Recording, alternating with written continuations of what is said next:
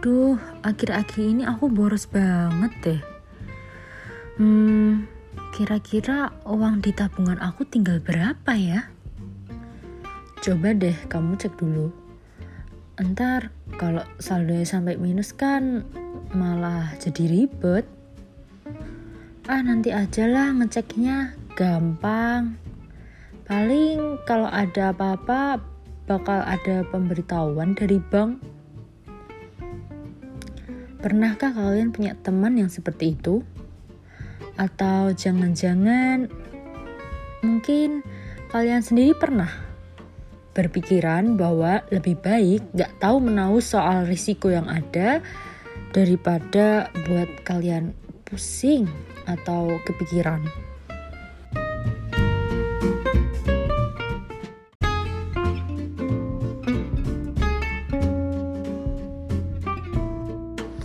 Halo semuanya, kembali lagi di Lavanya Podcast. Love, Respect, Believe. Bersama aku Lauren di episode ke-71 kali ini. Um, Jadi episode ke-71 kali ini Judulnya itu tutup mata, tutup telinga. Nah itu itu maksudnya apa sih? Kok kok agak gimana gitu ya? Judulnya kok aneh jadi sebenarnya um, judul tutup mata tutup telinga itu merupakan sebuah arti kiasan ya terhadap suatu fenomena psikologis yang dinamakan oleh ostrich effect atau efek burung unta. Nah, pasti kalian tahu kan burung unta uh, bentuknya seperti apa. Ya mungkin belum pernah secara langsung tapi at least tahu lah ya bentuknya seperti apa. Wah, kok lucu gitu ya nama efeknya ya. Dan kok bisa gitu loh dinamakan um, dengan efek burung unta.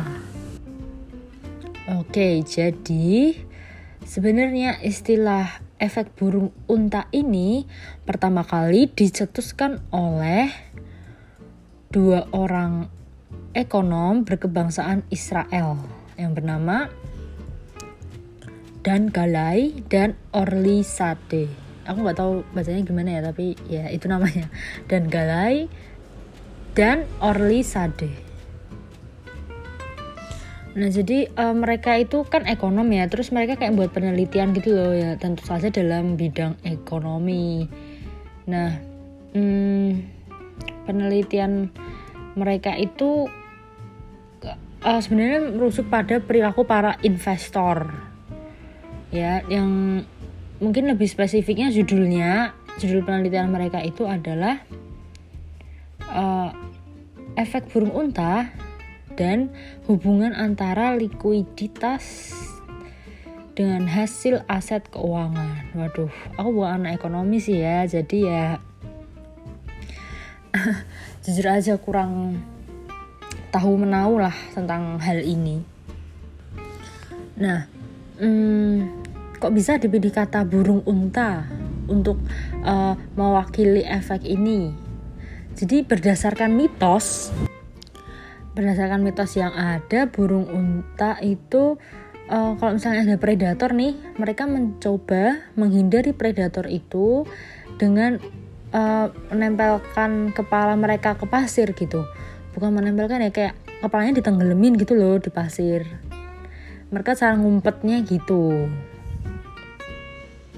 Jadi ya ya ibaratnya ketika mereka uh, menenggelamkan kepala mereka ke pasir ya mereka anggapnya ah nggak bakal ketahuan nih sama predator aku bakal aman gitu Nah, istilah ini dapat dimengerti sebagai uh, upaya seseorang untuk menghindari diri dari pemaparan uh, beberapa informasi. Ya jadi ada banyak informasi yang ada. Yang nantinya tuh informasi tersebut dapat menyebabkan ketakutan atau ketidaknyamanan seseorang tersebut. Gitu. Jadi dalam arti lain ya efek burung unta ini membuat uh, apa ya mereka mencegah orang untuk terus memikirkan hal-hal buruk atau resiko buruk yang mungkin terjadi kepada diri mereka ya, jadi uh, nyambung kan analoginya sama uh, burung unta yang memasukkan kepalanya ke dalam pasir ketika ada predator. Jadi ya orang-orang itu mencoba menempatkan dalam tanda petik ya, menempatkan kepala mereka di pasir atau menenggelamkan kepala mereka di pasir seperti para burung onta untuk uh, merasa uh, apa ya lebih baik gitulah feel better. Jadi kayak merasa nggak apa-apa merasa kayak santai merasa tenang gitu. Nah karena hal ini orang-orang tuh jadi mengembangkan suatu perilaku yang selektif terhadap informasi yang uh, dapat mereka terima. Ya karena mereka takut tuh dengar informasi yang negatif yang buat mereka pusing kepikiran stres gitu kan malah mengganggu produktivitas mereka mungkin. Jadi ya mereka maunya mendengarkan uh, informasi yang baik-baik aja gitu. Jadi mereka masang aja milih uh, baca atau dengar informasi yang baik-baik aja. Uh, orang yang sedang merasakan efek burung onta ini ya biasanya kepikiran kayak aku tuh tahu situasinya buruk tapi aku nggak nggak pengen lihat seberapa buruk aku nggak pengen tahu gitu. Ya kayak yang tadi contoh di opening ya. Dia tahu dia tuh boros gitu. Dan dia uh, bisa mungkin ngecek seberapa boros sih dia bulan ini atau akhir-akhir ini gitu. Tapi dia nggak mau tahu gitu. Ya udah gitu. Jadi gimana ya sebenarnya mereka tahu nggak sebenarnya mereka kebanyakan tahu gitu loh kalau menurutku ya uh, apa yang mereka lakukan itu um, punya resiko gitu. Karena ya namanya hidup ya apa yang kita lakukan itu pasti punya resiko gitu. Bahkan sekecil apa pun tuh pasti punya gitu. Karena kan apalagi yang berhubungan sama orang lain sama situasi di luar kita yang kita tuh nggak bisa ngontrol sepenuhnya. Gitu. Jadi ya nggak bisa juga sih kita mau dibilang tutup mata tutup telinga sama resiko yang ada di sekitar kita. Nah uh, kebanyakan orang yang sedang mengalami efek burung unta ini juga sering mengambil tindakan yang membutuhkan sedikit usaha mental. Ya karena mereka nggak akan memikir hal-hal yang aneh atau beresiko atau bikin pusing. Jadi ya mereka kalau misalnya dihadapkan sama suatu pilihan ya misalnya kayak hmm, main saham atau hal, hal seperti itu ya pasti mereka misalnya pun main saham nggak nggak berani ngasih dalam jumlah yang besar juga gitu nggak nggak berani beli saham dalam jumlah yang besar pasti mereka maunya kayak udahlah dikit aja meskipun untungnya dikit tapi ya lebih aman lah daripada um, ada apa-apa gitu. Nah terus apa aja sih sebenarnya penyebab um, seseorang dapat mengalami efek burung unta ini? Jadi um, penyebab yang pertama itu adalah biasanya efek burung unta ini terjadi ketika seseorang tuh belum siap menerima feedback terhadap ya mungkin kinerja mereka uh, di kantor atau apa ya mungkin dalam relasi hubungan mereka sama orang lain dan sebagainya mereka tuh kayak belum siap gitu loh menerima feedback. Belum siap dan nggak mau ya mungkin ya beda tipis lah ya antara belum siap dan nggak mau gitu. Jadi ya mereka kayak ah udahlah nggak mau denger lah nggak mau nggak mau mikirin nggak mau denger gitu. Terus yang kedua karena orang orang-orang tersebut takut merasa kehilangan. Ya kehilangan apa pun ya sebenarnya dalam hal ini. Bisa aja kehilangan uang kehilangan um, kepercayaan orang lain gitu. Jadi kayak ya misalnya dia tahu nih perbuatannya beresiko tapi dia pasti kayak um, tutup mata tutup telinga dan dengan dalih bahwa aku tuh udah ngelakuin yang terbaik lah nggak tahu lah ntar gimana gitu. Jadi kayak kurang kurang greget aja gitu menurut orang-orangnya ya mungkin. Ya karena ya itu tadi ya wajar sih kita semua takut kehilangan gitu. Mesti kita nggak kalau misalnya pun um, itu terjadi ya kita maunya kayak taunya antar-antar aja. Kita kayak denial banget gitu loh ya kan. Poin pentingnya tuh denial banget gitu loh orang-orangnya yang mengalami efek burung unta ini. Nah uh, terus penyebab yang ketiga itu ya sama sih pasti di, dirasakan dan um, banyak orang juga lah setuju gitu loh sama penyebab ini ya. Jadi kita kan sebagai manusia cenderung suka sama hal yang positif ya yang apalagi yang menyangkut diri kita gitu loh banyak kan hal-hal positif yang bisa menyangkut diri kita. Kayak misalnya kita dapat pengakuan dapat afirmasi yang positif terus um, merasa dipercaya um, sehingga kita dijadikan teman dan banyak banget gitu ya. Jadi ya um, kenapa orang bisa mengalami efek burung unta ini? Karena mereka nggak mau tuh lihat efek negatifnya. Karena kalau di analogi analogikan ya yang um, dalam kata-kata burung unta yang menenggelamkan kepalanya ke pasir itu kan mereka menghindari predator ya kan? Ya kita anggapnya tuh uh, burung untanya tuh orang-orang yang sedang mengalami efek itu ya efek burung unta itu ya. Dan predatornya itu mungkin uh, feedback negatif atau hal-hal yang buruk yang bakal terjadi ke mereka gitu. Jadi mereka lebih milih kayak uh, menghindari hal-hal itu gitu loh. Ya kan? Ya karena mereka siapa sih yang suka uh, ibaratnya sama dalam tanda kutip predator sama hal-hal buruk tuh pasti nggak ada yang suka. Karena kita semua sukanya sama hal-hal yang positif itu yang yang menyenangkan diri kita. Ya kan? Jadi ya penyebab ketiga itu wajar banget sih. Um, karena kan manusia gak suka denger bad news. Nah penyebab yang keempat atau penyebab selanjutnya itu karena uh, kita sebagai manusia juga di uh, mempunyai apa ya uh, keinginan untuk mempertahankan citra diri tertentu gitu. Jadi ya sebenarnya um, lebih ke pertanggungjawaban ke, kepada diri kita ya. Kayak misalnya kita ngelakuin uh, hal yang buruk atau hal yang berisiko. Terus kita ya kita tuh sebenarnya tahu lah ya uh, resikonya kayak gimana bakal jadi seperti apa gitu. Tapi um, kalau misalnya kita terus memikirkan hal itu sama aja kayak kita bilang ke diri kita sendiri bahwa misalnya nih kayak yang contoh ya aku boros gitu. Boros nggak pintar ngatur uang dan lain sebagainya. Yang berkaitan sama uh, uang gitulah ya materi gitu. Ya secara nggak langsung kalau misalnya aku terus memikirkan resiko-resiko itu aku jadi kayak um, berkata kepada diriku sendiri bahwa aku tuh ini orang orang boros orang orang apa ya nggak pinter ngatur uang.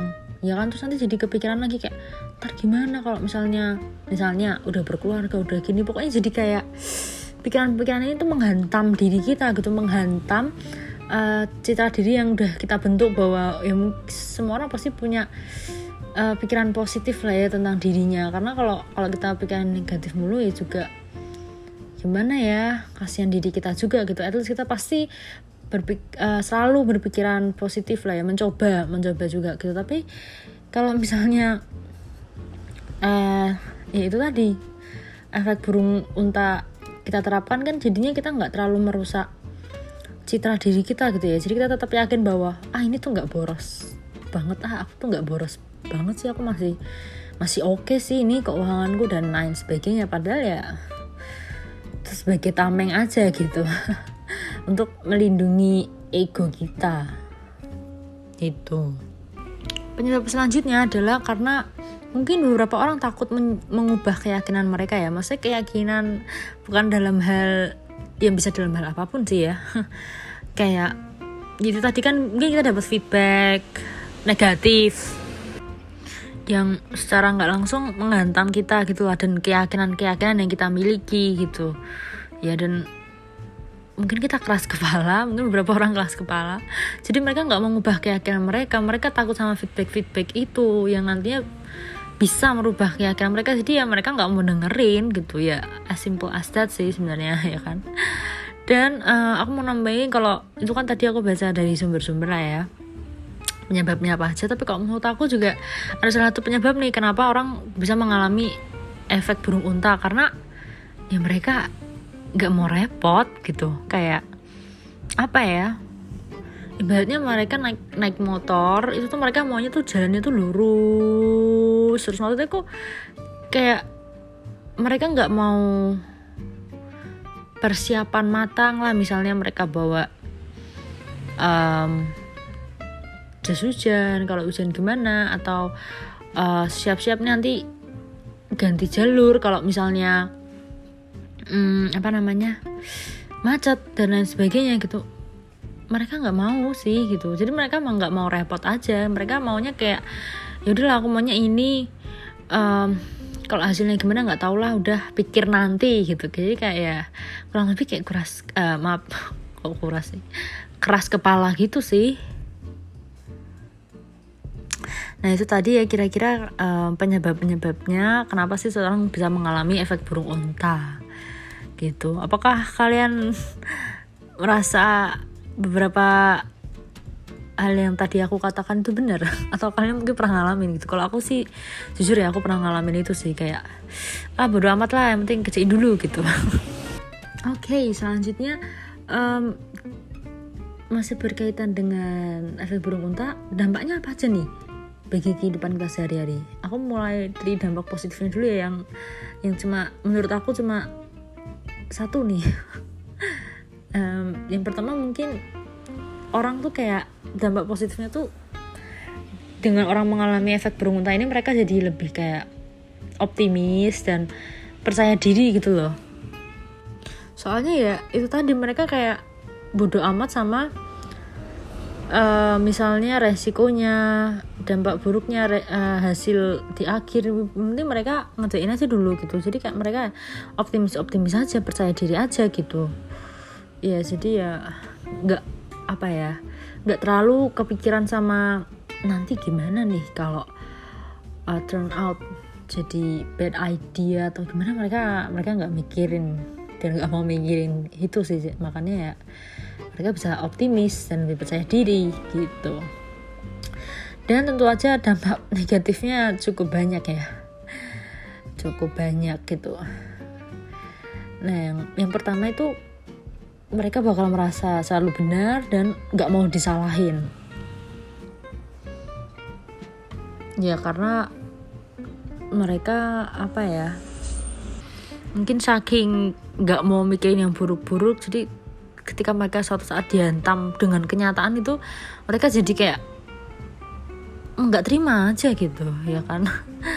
Terus yang kedua dampak negatifnya adalah mereka nggak bisa membuat keputusan uh, dengan benar.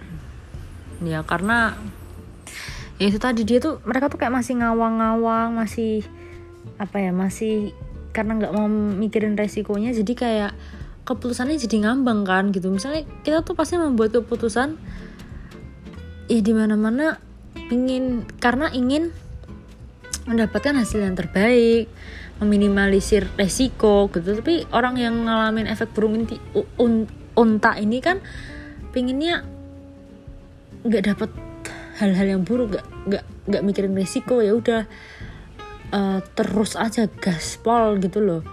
Ya jadi ya keputusan mereka kayak ngam, ngambang gitu sih. Kayak nggak ada dasarnya gitu. Dan jatuhnya keputusannya kayak goib gitu nggak sih? Soalnya mereka nggak mikirin resikonya dan mereka mikirnya kayak fairy tale kali ya.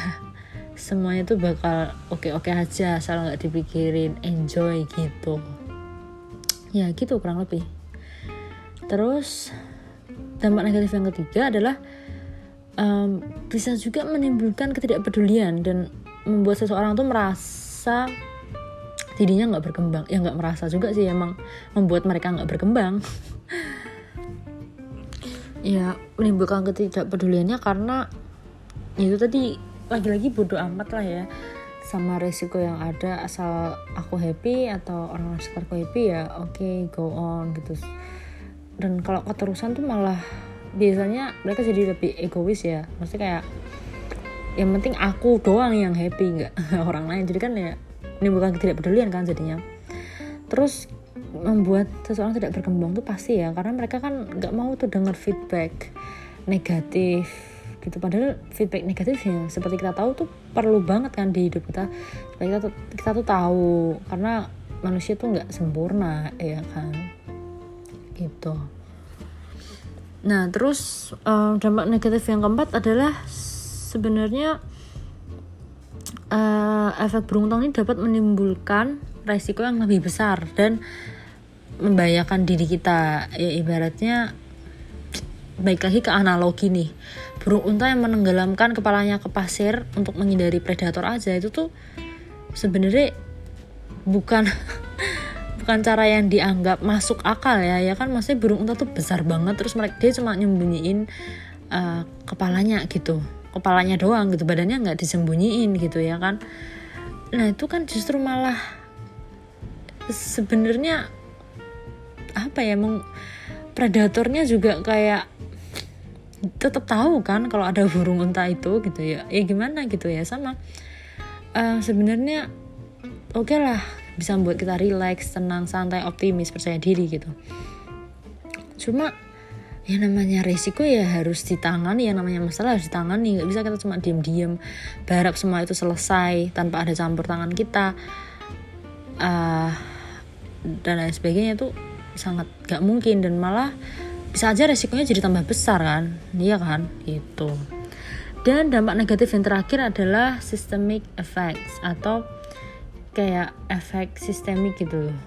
Jadi contohnya ini yang dari aku baca di sumber yang aku dapat efek sistemik tuh kayak efeknya yang ditimbulkan tuh kayak lebih luas gitu loh jangkauannya ya kan. Kayak misalnya contohnya perubahan iklim masalah uh, climate change gitu. Um, itu kan kayak orang jarang banget ya peduli ya. Dan mungkin dari beberapa satu dua orang yang kayak ah misalnya enggak kok bumi nggak panas-panas banget atau ah enggak masih ada pohon santai gitu. Itu justru kayak menimbulkan kalau orang nggak merubah pikiran yang nggak lebih aware lah ya sama lingkungan sekitar malah justru jadi lebih parah sih uh, peristiwa uh, climate change ini gitu ya kan nah itu tadi dampaknya ya. Wah lebih banyak dampak negatifnya ya. Jadi ya karena lebih banyak dampak negatifnya sebisa mungkin kita hindari ya perilaku ini. Jangan sampai um, kita melakukan perilaku ini. Oke terus ah dari tadi ngomongin efek burung unta mulut tapi contoh nyatanya tuh apa gitu? Sebenarnya tadi udah ada contoh satu kan tapi oke okay lah aku kasih yang lebih banyak ya. Hmm, contoh lain misalnya yang pertama tuh um, kita nggak mau menerima feedback. Uh, terutama feedback negatif ya yang ditujukan kepada kita. Itu contoh yang paling paling umum. Paling umum ya orang pikir biasa aja. Ini orang nggak mau dikritik.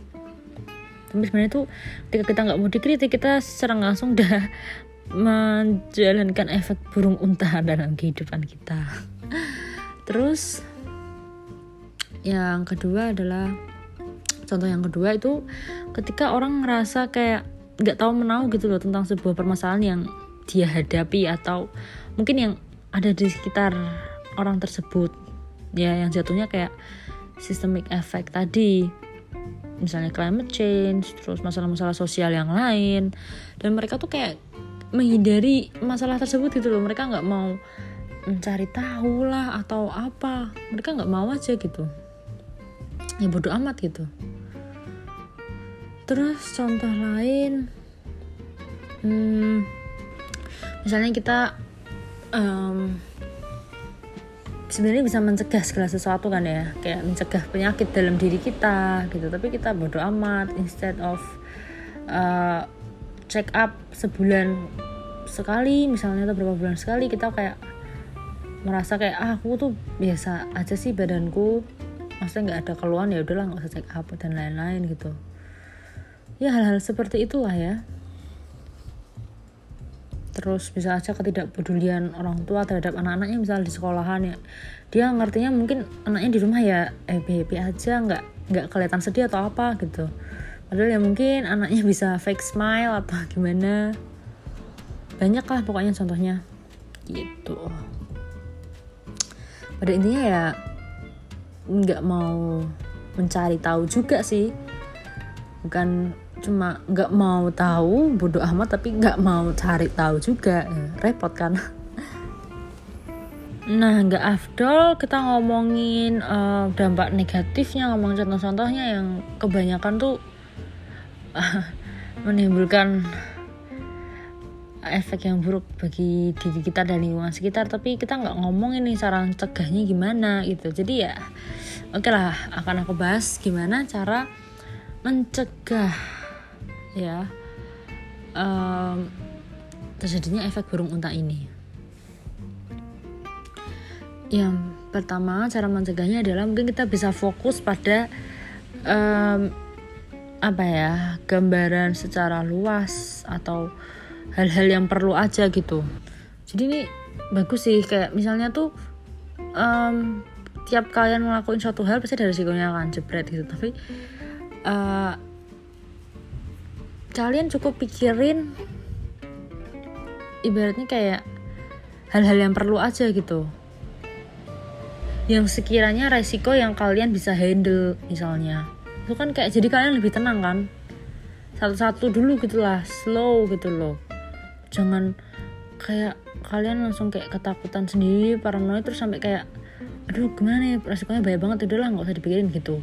Ya menurut aku itu salah sih kayak kalian ambil aja satu fokus sama satu hal dalam hal ini satu resiko gitu ya. Dan kalian tahu nih caranya uh, mengatasi masalah ini mengatasi resiko buruk ini. Kalian tahu gitu.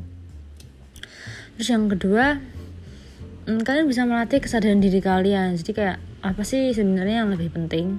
Yang yang harus um, aku utamakan gitu kan? Jelas yang harus kita utamakan kan uh, ini ya diri kita gitu. Jangan salah uh, terkadang mengatasi masalah dengan mengetahui resiko yang mungkin bakal terjadi atau hasil-hasil negatif yang akan terjadi itu sebenarnya kan dapat membantu kita juga iya kan? Itu kan penting juga bagi kita supaya kita terlindung dari masalah misalnya dan lain sebagainya gitu. Itu kan penting gitu. Jadi ya kita harus tahu um, apa yang terbaik lah buat diri kita. Terus dalam pencegahan yang ketiga adalah introspeksi diri ya. Jadi kita kalau dapat feedback dari orang atau dapat nasihat itu ya kita ngelihatnya sebagai sesuatu yang membangun gitu loh. Oke lah kita ngerasa kepikiran sedih mungkin sampai stres gitu. Tapi ya kita harus tahu bahwa ya hal-hal seperti inilah yang membangun diri kita supaya menjadi lebih baik gitu.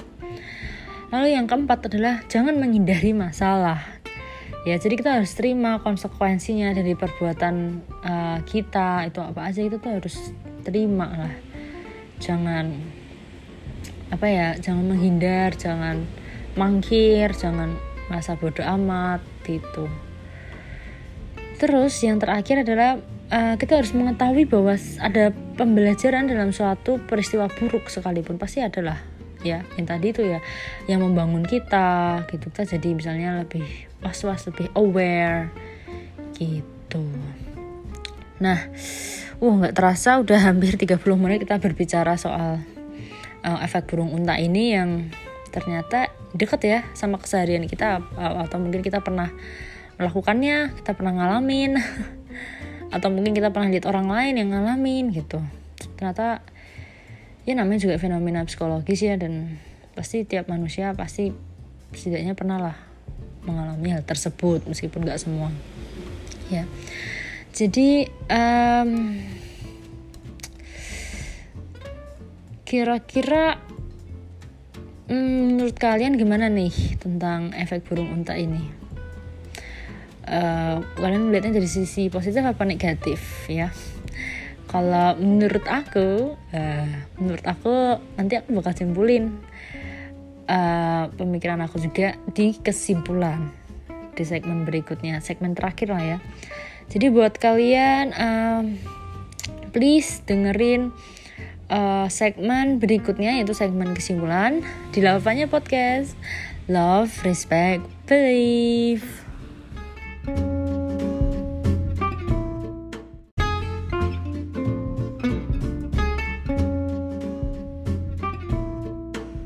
Halo semuanya, kembali lagi di Lavanya Podcast Love, Respect, Believe bersama aku Lauren. Nah, nggak um, terasa ya ini udah di segmen terakhir, jadi langsung aja aku mau kayak ngeringkas uh, semuanya apa yang udah aku uh, paparkan ke kalian tentang efek burung unta ini, ya. Jadi, um, efek burung unta atau ostrich effects itu selalu dikaitkan dengan ketidaksiapan seseorang dalam menghadapi tantangan ya ya benar juga sih ya ibaratnya kayak aduh uh, gimana ya? Udahlah aku bodoh amat aja lah sama apa yang akan terjadi yang aku udah ngerjain atau pokoknya dia nggak nggak mau memikirkan sebegitu detail tentang resiko-resiko yang terjadi itu nah efek ini tuh termasuk ke dalam bias pribadi. Jadi bias itu adalah kepercayaan atau kecenderungan um, seseorang uh, terhadap uh, pemikiran yang dia miliki sendiri gitu. Atau kepercayaan mereka lah ya. Nah um, menurut aku pribadi sih uh, efek burung unta ini lebih cenderung ke apa ya hal-hal negatif ya gitu. Jadi aku uh, sebisa mungkin menghindari ini dan aku kayak menghimbau kalian lah supaya kalian tuh jangan sampai melakukan efek burung unta ini ya. Kalau kadang nggak sadar terus melakukan nggak apa-apa. Tapi kalau misalnya kalian sadar ya janganlah gitu. Karena kan ini juga bahaya juga kan ke depannya. Kayak kalian mengesampingkan resiko gitu ya. Nanti mungkin jadi tambah besar masalahnya. Terus kalau aku melihat um, efek burung unta itu sebenarnya kayak ada ada dua fase ya. Kalau menurut aku ya fase yang pertama itu sebelum melakukan sesuatu. Jadi kayak kita mengalami efek burung unta sebelum melakukan sesuatu. Jadi kayak um, jatuhnya kita bodoh amat sih sama apa yang kita lakukan. Yang penting selesai gitu ya kan? Kayak misalnya oh, ada tugas nih um, ya mungkin orang-orang yang mengalami efek burung unta ini tuh mereka lebih ke apa ya deadlineer kali ya. Ngerjain tugasnya itu mepet atau gimana sehingga nanti pada akhirnya mereka mikir kayak ah bodoh amat lah hasilnya gimana yang penting aku udah ngerjain gitu.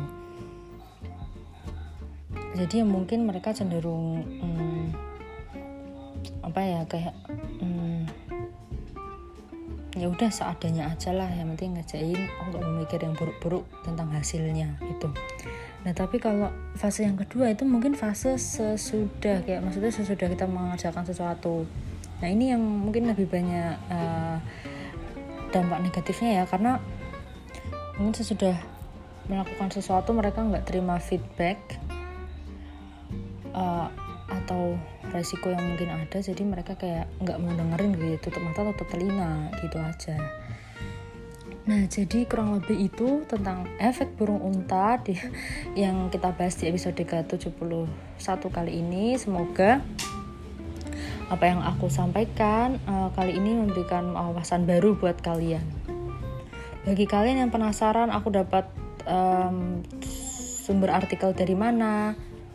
Atau mungkin kalian ada kritik atau saran yang mau kalian sampaikan ke aku atau mau curhat-curhat juga mungkin boleh banget. Kalian bisa kirim email ke lavanya.podcast@gmail.com atau kalau kalian males kalian bisa langsung DM kita di lavanya.podcast terus dengerin episode lavanya podcast berikutnya ya di Lavanya Podcast. Love, respect, believe. Bye semuanya.